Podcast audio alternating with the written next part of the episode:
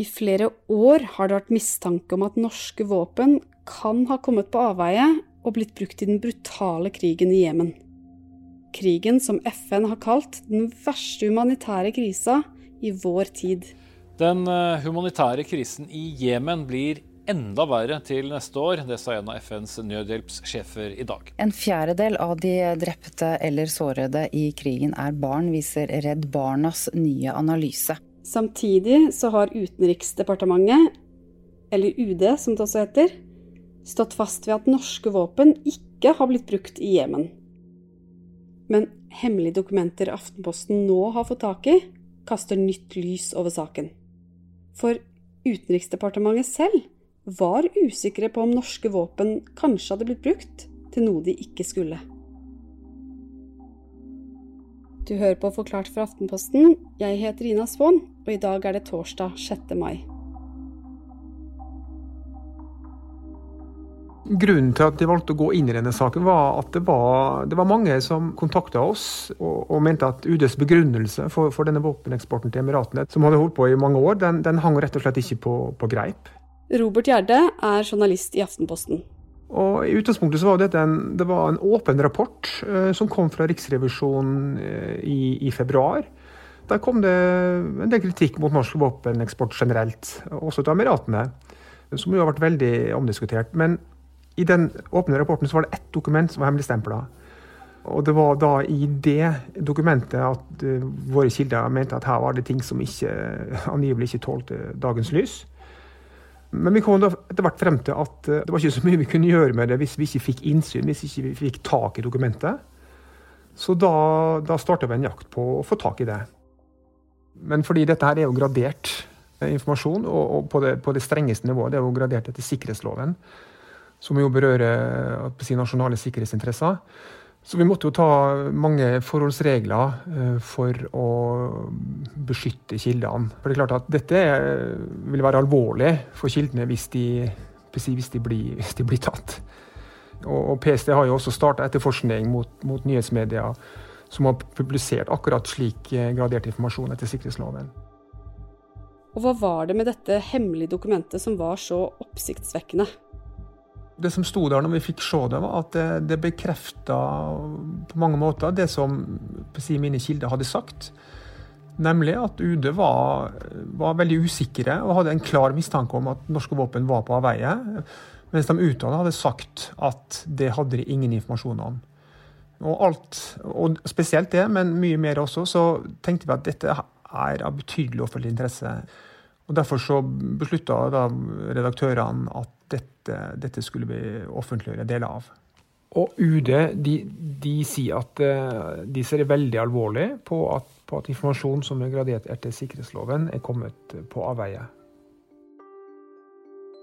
Historien om hvordan norske våpen kan ha kommet på avveie i Jemen, den starter i 2009.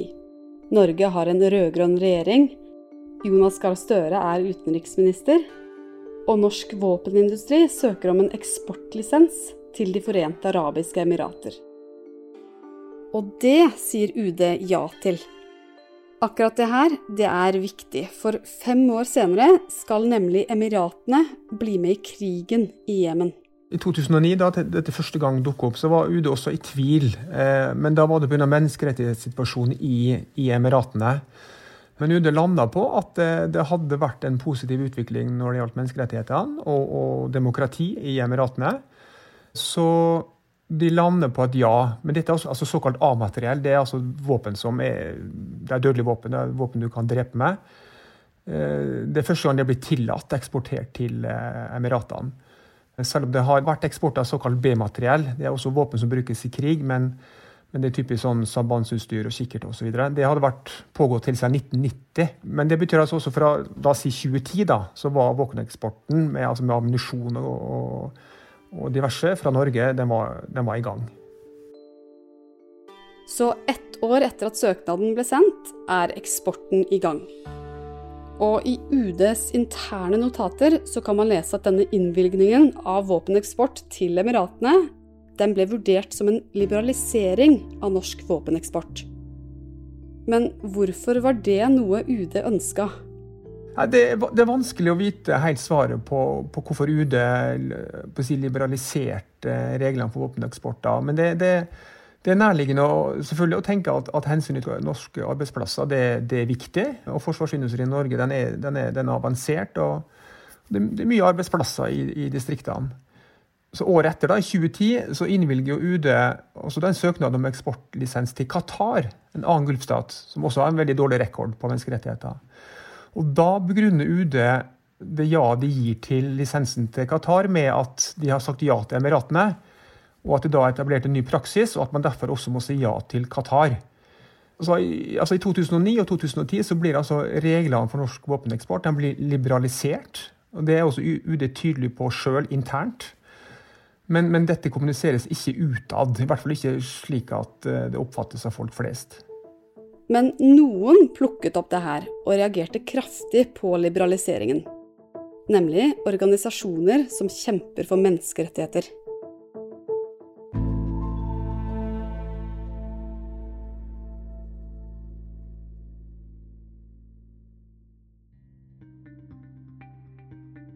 Året er 2010 og prosessen med å sende over norske våpen til Emiratene og Qatar har starta. Men det har fått organisasjoner som Amnesty og Human Rights Watch til å reagere. For hvorfor skulle Norge eksportere dødelige våpen til land som Emiratene og Qatar? Mange syntes, og for så vidt synes, at det skurrer at norske våpen og norsk ammunisjon skal, skal, eksporteres til det som må, må vel kalles som et islamistisk diktatur, som Emiratene og Qatar på mange måter er. Og De har i hvert fall et veldig frynsete rykte på, på, menneskerettigheter. Men det er først i 2015, når Emiratene da på en måte blir en del av koalisjonen som intervenerer i Jemen, det er først da at kritikken blir veldig sterk. For i Jemen er en blodig borgerkrig i gang. Det er en lang og komplisert historie, men altså, det utvikler seg til en borgerkrig i altså 2012-2013. og Det skjer jo da i kjølvannet av den arabiske våren. Da var det voldsomme demonstrasjoner og mye voldsbruk, og presidenten gikk av. Og det, det oppsto et stort eh, maktvakuum, egentlig. Og i 2015 så gikk Saudi-Arabia med Emiratene inn i Jemen. Og det er altså da norske våpen kan ha blitt en del av den blodige krigen da en, en, en regional koalisjon eh, ledet av Saudi-Arabia intervenerte og, og, gikk da til krig mot den, den eh, lokale Houthi-militsen, som da hadde tatt kontroll over hovedstaden i landet. Og de ulike partene representerte også hver sin retning innen islam, shia og sunni. Men i tillegg så utviklet det seg også en stormaktskonflikt. Med Iran på den ene sida og Saudi-Arabia med støtte fra USA og Emiratene på den andre. Altså en stedfortrederkrig. Med andre ord, krigen i Jemen er en komplisert konflikt. Men det er også en konflikt som har utløst den verste hungersnøden verden har sett på mange tiår. There's a stark warning tonight that millions of children in Yemen could be pushed to the brink of starvation unless international aid is dramatically stepped up. The UN warns that 16 million people will go hungry this year, including some 400,000 children who will suffer from what it calls severe acute malnutrition and could die without urgent treatment. A Yemeni father tends to his baby son's grave, pouring water to keep the earth from blowing away. Faisal Ahmed's five month old boy is buried here. He died of acute malnutrition. Krigen i Jemen er rett og slett en fryktelig krig, og den pågår fortsatt. Og Den blir jo beskrevet som, som, som, eh, av FN som den verste humanitære krisen i vår tid. Og Tre millioner mennesker er på flukt, eh, og et stort antall er drept. Hvor mange som er drept av krigshandlinger, er uklart, men det opereres med at 230 000 personer er drept. Så så dette er på en måte en fryktelig kruttønne som, som, som, involverer land som, som, mange mener at norsk våpenindustri bør holde seg langt unna, rett og slett. Men den norske våpeneksporten, den fortsetter. Det, det pussige på en måte at altså fra det tidspunktet så tar det av. Altså den økte, eh, og det, vi får en topp i 2016 og 2017. I 2016 så er eksporten på 100, over 100 millioner, og i 2017 er den på nærmere 70 millioner. Så det altså, Høydepunktet på eksporten er i de to første årene av, den, av krigen i Jemen. Men selv ikke dette ser ut til å rokke ved UDs våpeneksporttillatelse. I 2016 så setter UD noen eksportlisenser på pause pga. krigen.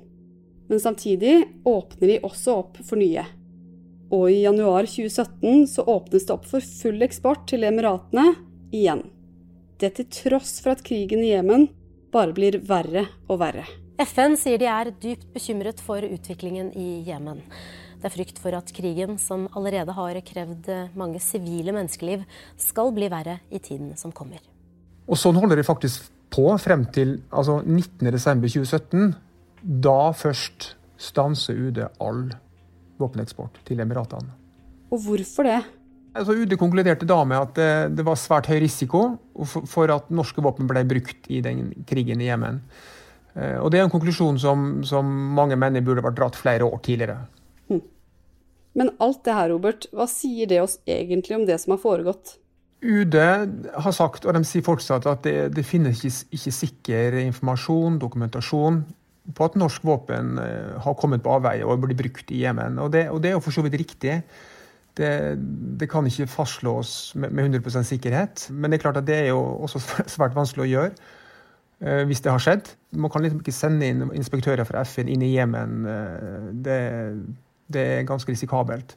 Så det kan ikke fastslås 100% sikkert at det har skjedd. Men det, det, som, det, som, eh, da er interessant i den sammenhengen, er jo at interne UD-notater de viser at eh, UD sjøl hadde en klar mistanke om at norske våpen var, var på avveie og ble brukt i Jemen. Og det sjøl om UD hele tiden utad har sagt at sånn informasjon har man ikke. Og Det går også frem av, av UD-notat at um, de er klar over at Emiratene ikke tar hensyn til såkalte sluttbrukererklæringer. Så dette, dette henger ikke helt sammen. Men vet vi hva det her kan ha betydd for krigen i Jemen? Det er vanskelig å si, men Riksrevisjonen som har gått gjennom dette her nå, har jo da konkludert med at det er betydelig risiko for at norske våpen har kommet på avveie og blitt brukt i en, i en brutal krig. Og en slik usikkerhet det burde kanskje tilsi, i hvert fall vil mange mene det, at man burde latt være å eksportere til, til, til, land som mange vil kalle for, for pøbelstater. Og nå, Robert, eh, har jo Aftenposten avslørt innholdet i det hemmelige dokumentet. Hva svarer UD og Søreide på det? Utenriksministeren eh, sier at hun ikke kan, kan, kommentere, og ikke vil kommentere, fordi det er gradert materiale. Men samtidig så fastholder jo da UD at eh, det ikke er sikker dokumentasjon på at norske våpen er brukt i Emiratene. Og de vedgår heller ikke at eh, det har vært brudd på folkeretten. Hm. Og Hva skjer videre nå i den saken? På kort sikt så skjer det antagelig lite. Eh, Stortinget skal debattere og, og gjøre vedtak i saken i neste uke, altså, eller nærmere bestemt på den 11. mai. Og, og I innstillinga fra kontrollkomiteen til denne debatten så slutter flertallet seg til den sterke kritikken fra Riksrevisjonen.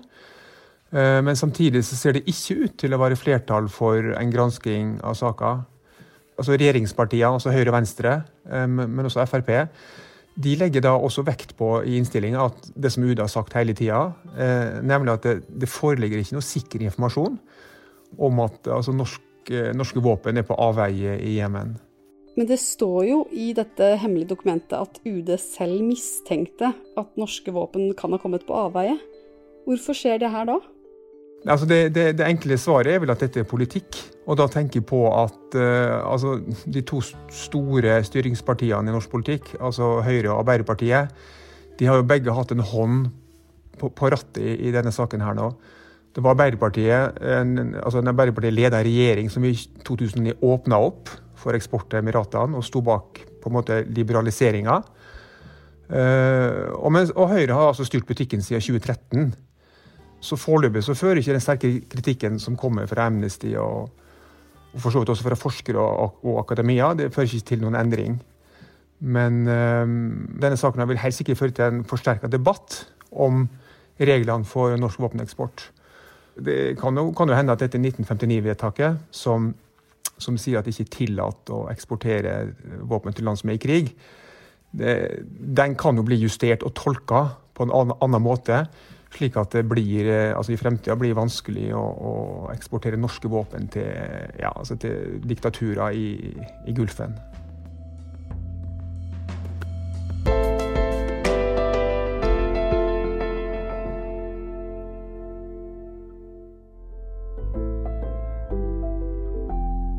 Denne episoden er laget av produsent Fride Nesten Onsdag og meg, Ina Svaan.